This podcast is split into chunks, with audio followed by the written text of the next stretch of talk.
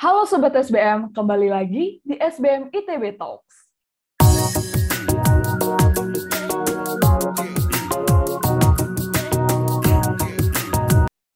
Hari ini akan ditemani oleh aku, Angela, dari Kewirausahaan 2022. Nah, di SBM ITB Talks kali ini, kita akan mengulik cerita dan perjalanan dari seorang pembicara kita yang baru aja dapat penghargaan dari Presiden RI, Satya Lencana Wirakarya, dalam implementasi e-voting di Indonesia. Ia adalah Mas Rizky Ayunda Pratama. Beliau kini juga adalah seorang mahasiswa aktif MBA ITB pada program Double Degree Asian MBA. Berbagai penghargaan dan inovasi luar biasa telah beliau torehkan. Pasti udah pada penasaran dong untuk dengar cerita-ceritanya. Langsung aja yuk kita sambut Mas Rizky. Thank you banget nih Mas udah mau meluangkan waktunya pagi ini untuk ngisi podcastnya SBM ITB. Mungkin di tengah-tengah kesibukannya Mas Rizky juga mau meluangkan waktunya, jadi kita bisa ngobrol-ngobrol dan sharing-sharing bareng pagi ini, Mas. Iya, dengan senang hati sih. Ini memang kesempatan uh, diskusi yang menarik juga ya. Apalagi ini dengan institusi yang sekarang saya juga kuliah di sana juga ya. Iya, benar banget. Oke, Mas Rizky, uh, boleh nih kenalin dikit uh, perkenalan diri nih ke sobat-sobat SBM yang lagi ngedengerin podcast SBM ITB Talks ini. Uh, sebenarnya Mas Rizky itu siapa sih sekarang kesibukannya lagi ngapain? Terus kemudian uh, mungkin bisa ceritain background juga ya. Uh, kan Mas Rizky juga uh, sekarang ini adalah mahasiswa aktif MBA, jadi mungkin boleh diperkenalkan nih ke audiens. Ya, oke. Okay. Thank you, Angela. Uh, nama saya Rizky Enda Pratama uh, saya orang Aceh ya, cuma uh, besar di Palembang, tapi uh, sekarang tinggal di Bandung gitu. Jadi background story-nya dari uh, Aceh. Kemudian uh, kurang lebih saya sudah dua, dari 2011 di Bandung ya. Saat ini bekerja di PT Industri Telekomunikasi Indonesia Persero, jadi BUMN. Atau mungkin dikenalnya dengan uh, PT Inti ya. Nah saat ini Eh, mendapat kepercayaan di PT Inti sebagai Vice President, Sekretaris Perusahaan dan Perencanaan Strategis. Jadi direct report ke Direktur Utama kalau sekarang. Nah sekarang masuk di, uh, saya masuk di angkatan uh, Blemba 64A ya, cuma ngambil kelas yang dual degree, jadi ASEAN MBA. Kurang lebih ada tujuh orang uh, kami di ASEAN MBA dengan USM untuk partnernya. Gitu. Itu Angela. Oke, thank you nih Mas Rizky udah ngejelasin background-nya, terus kesibukan Mas Rizky sekarang. Tentu uh, dengan kesibukan, dengan kegiatan yang banyak, uh, perlu manajemen waktu yang baik juga. Nah, menariknya hmm. adalah bahwa uh, kemarin saya baca-baca juga nih uh, resumenya Mas Rizky, terus kemudian coba untuk uh, nge-stalking LinkedIn-nya juga gitu sebenarnya Mas. Dan yeah, yeah, yeah. banyak banget prestasi dan experiences yang sudah Mas Rizky lalui dan luar biasa. Salah satunya adalah uh, baru saja meraih penghargaan dari Presiden RI, itu Satya Lencana Wirakarya, dalam implementasi e-voting di Indonesia. Benar kan, Mas? Ya, ya betul. Oke. Okay. Boleh nggak sih, Mas Rizky, untuk diceritain sebenarnya uh, penghargaan ini itu ya, penghargaan okay. apa sih, Mas? Mungkin itu penghargaan uh, terkait uh, apa yang saya kerjakan beberapa tahun terakhir gitu ya. Jadi pada tahun 2017 uh, saya sempat ditugaskan di anak perusahaan menjadi direktur di anak perusahaan namanya PT Intense atau Inti Konten Indonesia gitu ya. Jadi one of the product PT Intense ini adalah uh, electronic voting. Ya, PT Inti bekerja sama dengan BPPT itu menghasilkan produk namanya e-voting. Nah, e-voting ini sebenarnya sudah ada dari 2015 yang jelas. Namun uh, baru baru diimplementasikan di level uh, pemilihan kepala desa sebetulnya sudah bisa kita terapkan di pilpres maupun pilkada gitu. Cuma kita coba dari layer yang paling bawah pemilihan kepala desa. So far sampai sekarang itu ada kurang lebih 2.500 desa yang sudah melakukan pemilihan kepala desa secara elektronik. Ini surprise sekali ya karena uh, mungkin uh, sobat SBM tahu ya kita di kota-kota masih pemilu dengan coblos ya dengan kertas gitu ya. Sedangkan masyarakat di desa yang jumlahnya udah jutaan itu melaksanakan uh, e-voting untuk pemilihan kepala desanya. Nah, ini jadi trigger juga buat kita semua. Terkait yang uh, penghargaan yang diterima tadi itu implementasi selama kurang lebih tiga tahun selama 2017 sampai 2020 uh, saya ikut in dalam implementasi e-voting di seluruh Indonesia, khususnya untuk pilkada. Jadi ada 27 kabupaten yang bekerja sama dengan kita, mulai dari Sabang sampai Merauke ya, walaupun sampai Papua belum sih, cuma sudah daerah timur. Uh, di sana kita lakukan pilkada dengan e-voting. Nah, kita ikut dalam sosialisasinya, kemudian dalam uh, pembelajaran untuk tidak hanya uh, kepala daerah, tapi juga untuk uh, di setempat, penganggarannya seperti apa, kemudian uh, membentuk sebuah proses bisnisnya sehingga dapat uh, semua stakeholdernya dapat uh, mencapai tujuan yang diinginkan dari pemerintah dapat melaksanakan, kemudian uh, anggarannya sesuai masuk dalam budget, kemudian dari industri pun bisa ikut dan pemerintah pun dapat menelurkan inovasinya melalui BPPT tadi gitu. Nah, su sudah kurang lebih dalam tiga tahun itu seribu desa sehingga uh, mendapatkan penghargaan dari presiden gitu. Keren banget Mas Rizky. Nah, kalau boleh tahu uh, sebenarnya apa sih yang akhirnya melatar belakangi Mas Rizky and tim untuk akhirnya bikin e-voting gitu atau pemilihan uh, ketua secara elektronik ini? Ya, jadi uh, background story-nya cukup uh, banyak ya. Itu juga yang menjadi uh, kita kan dalam kelas-kelas di MBA itu ada namanya study case. Kadang-kadang kita diberikan tugas, kemudian membentuk sebuah uh, apa bisnis problem yang ada solusinya. Kadang-kadang saya selalu uh, mostly lah 90% saya ambil case-nya soal e-voting. Karena memang di dalam sistem pemilu kan banyak hal-hal yang harus kita tackle. Contohnya uh, kemarin mungkin pernah dengar di presidential election uh, banyak yang gugur, KPPS-nya meninggal karena kecapean dan lain-lain gitu ya. Itu salah satunya karena load pekerjaannya untuk menghitung dan merekapitulasi hasil. Nah, kalau dengan e-voting itu sudah bisa uh, tersolusikan karena kom komputer akan melakukan perhitungan itu tanpa preferensi. Jadi dia tidak memihak siapa pun gitu kan. Hasilnya cepat dan juga akurat gitu. Nah, kondisi-kondisi sosial seperti ini yang melatar belakangi kenapa sih kita harus uh, segera beralih ke uh, e-voting gitu. Kita bisa lihat sekarang di kehidupan uh, sehari-hari mungkin ya, secara uh, keseharian kita udah melakukan digitalisasi kan. Bagaimana dulu kita kalau naik ojek harus ke pangkalan, kalau sekarang kan kita percaya dengan apps. Bagaimana kita bertransaksi dulu di bank, sekarang kita dengan mobile phone pun kita bisa gitu. Nah, itulah uh, salah satu landasannya. Kayaknya sih e-voting ke depan uh, akan jadi sesuatu yang menarik. Artinya adaptasi terhadap teknologi itu sudah sampai ke masyarakat gitu. Nah, hal ini yang uh, membuat kita terus uh, mengencourage supaya pemerintah uh, untuk uh, segera melaksanakan pemilu secara e-voting gitu. Mungkin nggak harus dari presidential election. Kita mulai dari yang kecil dulu, kemudian naik nanti mungkin ke pilkada baru uh, ke level yang lebih besar gitu. gitu. Oke, menarik banget Mas Rizky. Jadi tadi uh, mungkin sebenarnya nggak kepikiran ya. Oke, ternyata ini mas salah satu masalah juga nih ketika uh, eh, SDM-nya ini atau yang ngejaga TPS-nya mereka harus yeah. mengakumulasikan secara manual gitu. Terus yeah. kemarin juga memang sebelumnya ada berita bahwa ada yang meninggal dan segala macam gitu kan karena banyak faktor juga. Dengan adanya e-voting ini jadi uh, semuanya mungkin dari segi resikonya juga uh, lebih kecil ya daripada kalau misalnya kita masih manual pemilihannya. Ya betul. Terus ada satu tambahan lagi soal verifikasi orangnya nih.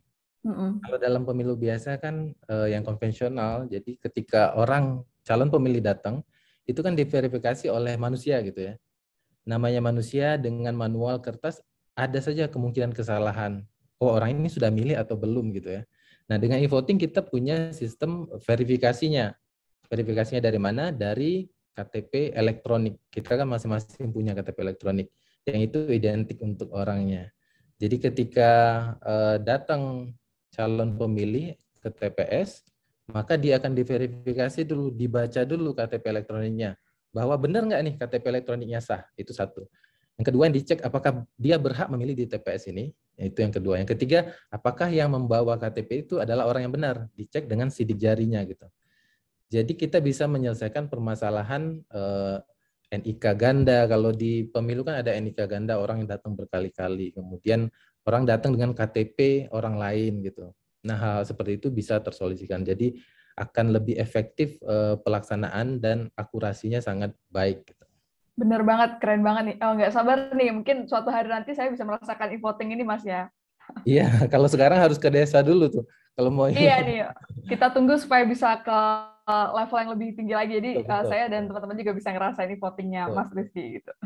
Oke. Okay. Untuk sekarang sendiri e-voting itu uh, kan tadi udah ada implementasinya Mas ya ke beberapa uh, ke mungkin tadi ribuan desa udah pemilihan ketua desanya udah pakai e-voting ini.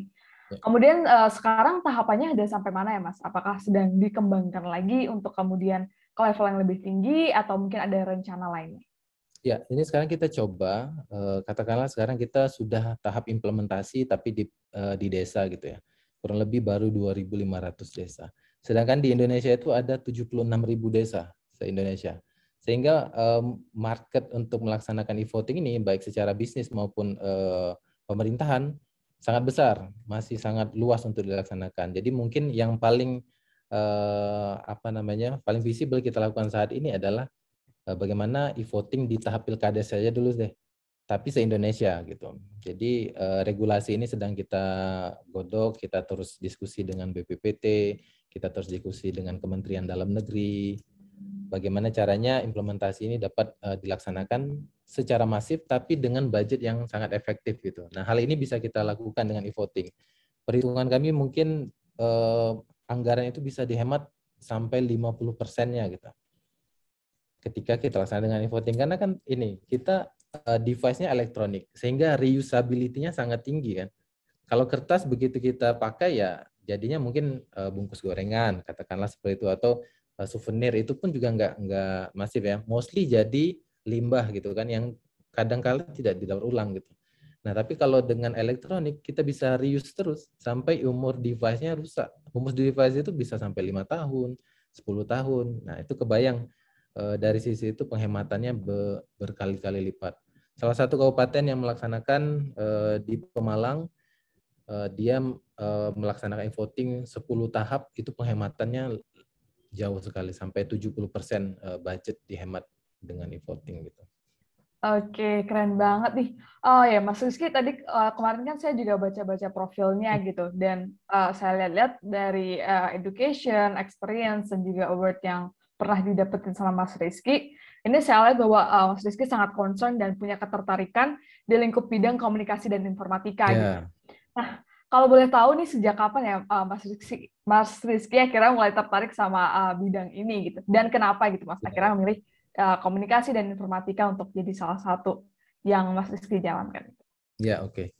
Menarik nih, ini uh, dulu pengalaman saya waktu, saya terus terang pertama kali pegang komputer itu SMP. Jadi zaman kita dulu kan agak susah ya, zaman saya ya, kalau Angela mungkin masih muda. Zaman saya dulu uh, mulai pegang komputer itu waktu SMP gitu. Kemudian mulai kenal komputer, mulai merusak-rusak komputer lah karena uh, apa kan kita nggak ngerti ya, karena zaman itu juga nggak ada Google untuk nyari tahu ya. Karena zaman sekarang mungkin tinggal browsing.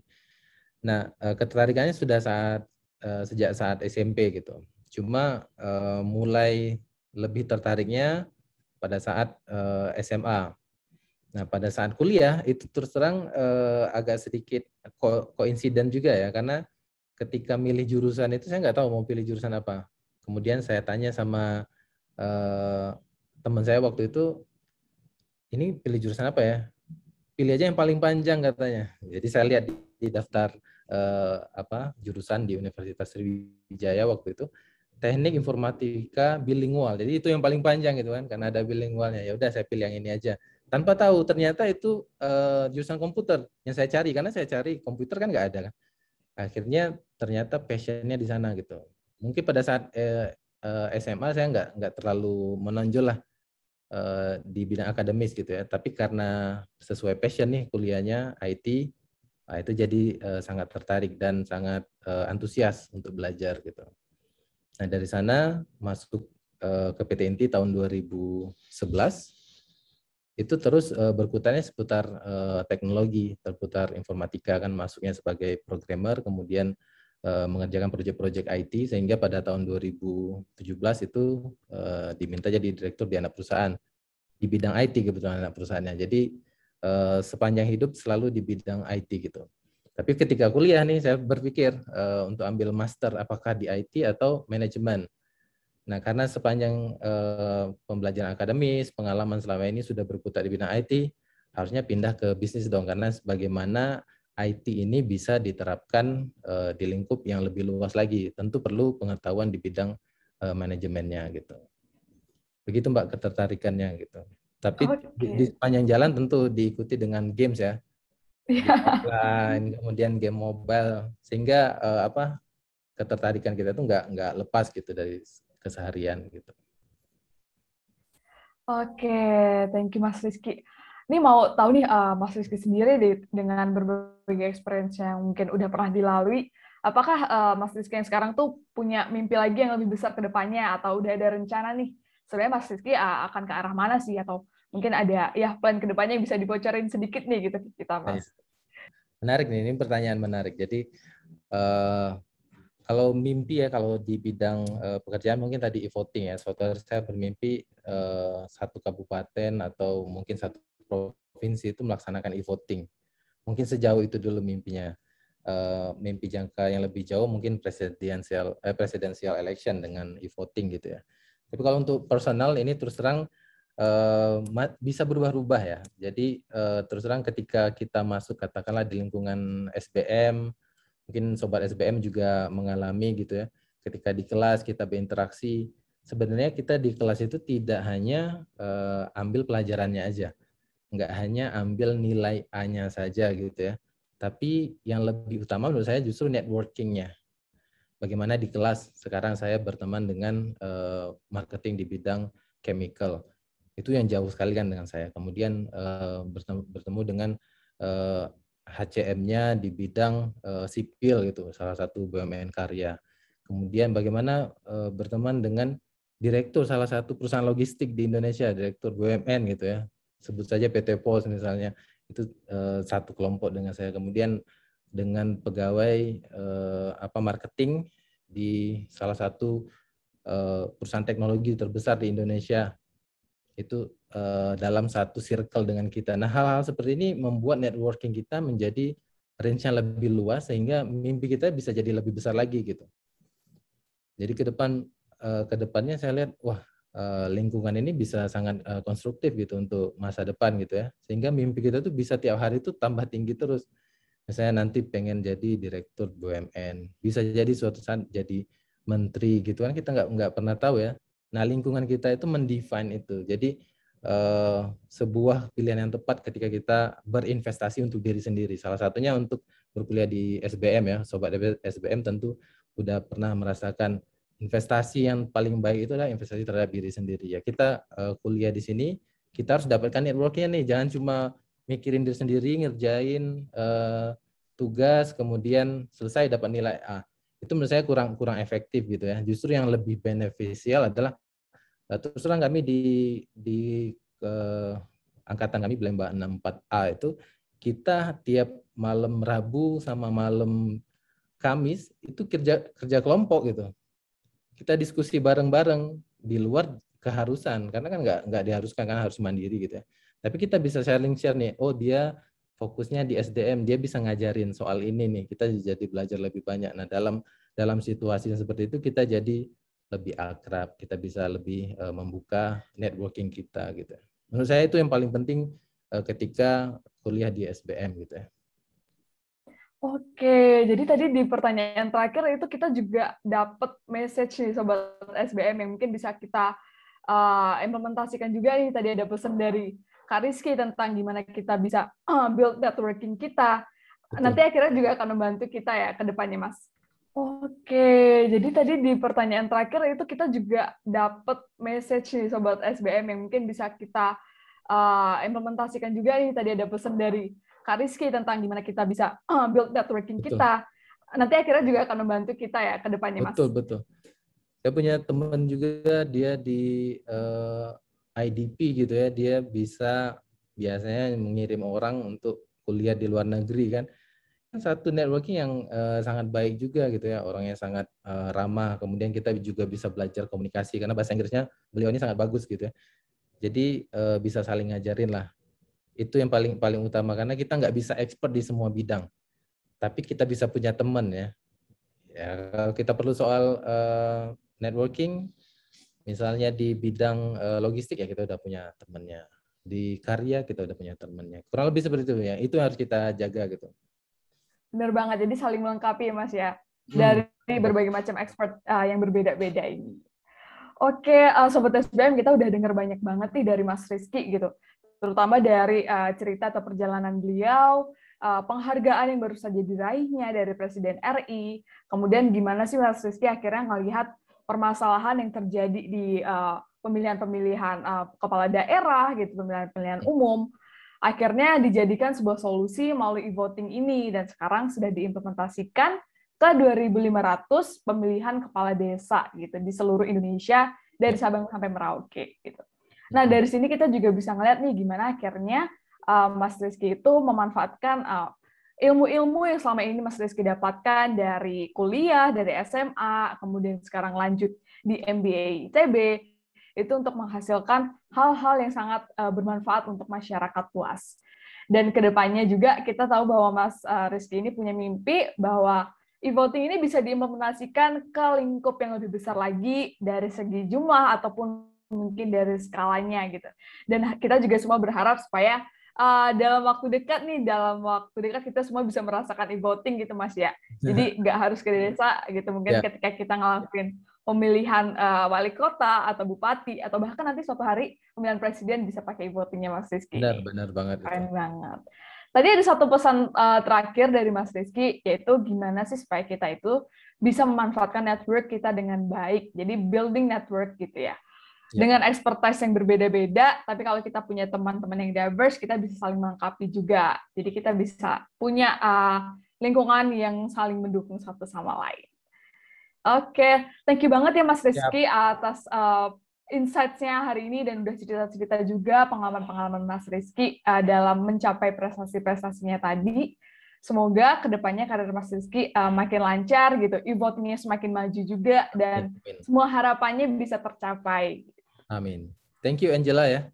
Iya, makasih banyak Mas Rizky atas waktunya. Wah, Sobat SBM, sayang sekali nih karena podcast kita kali ini sudah berakhir.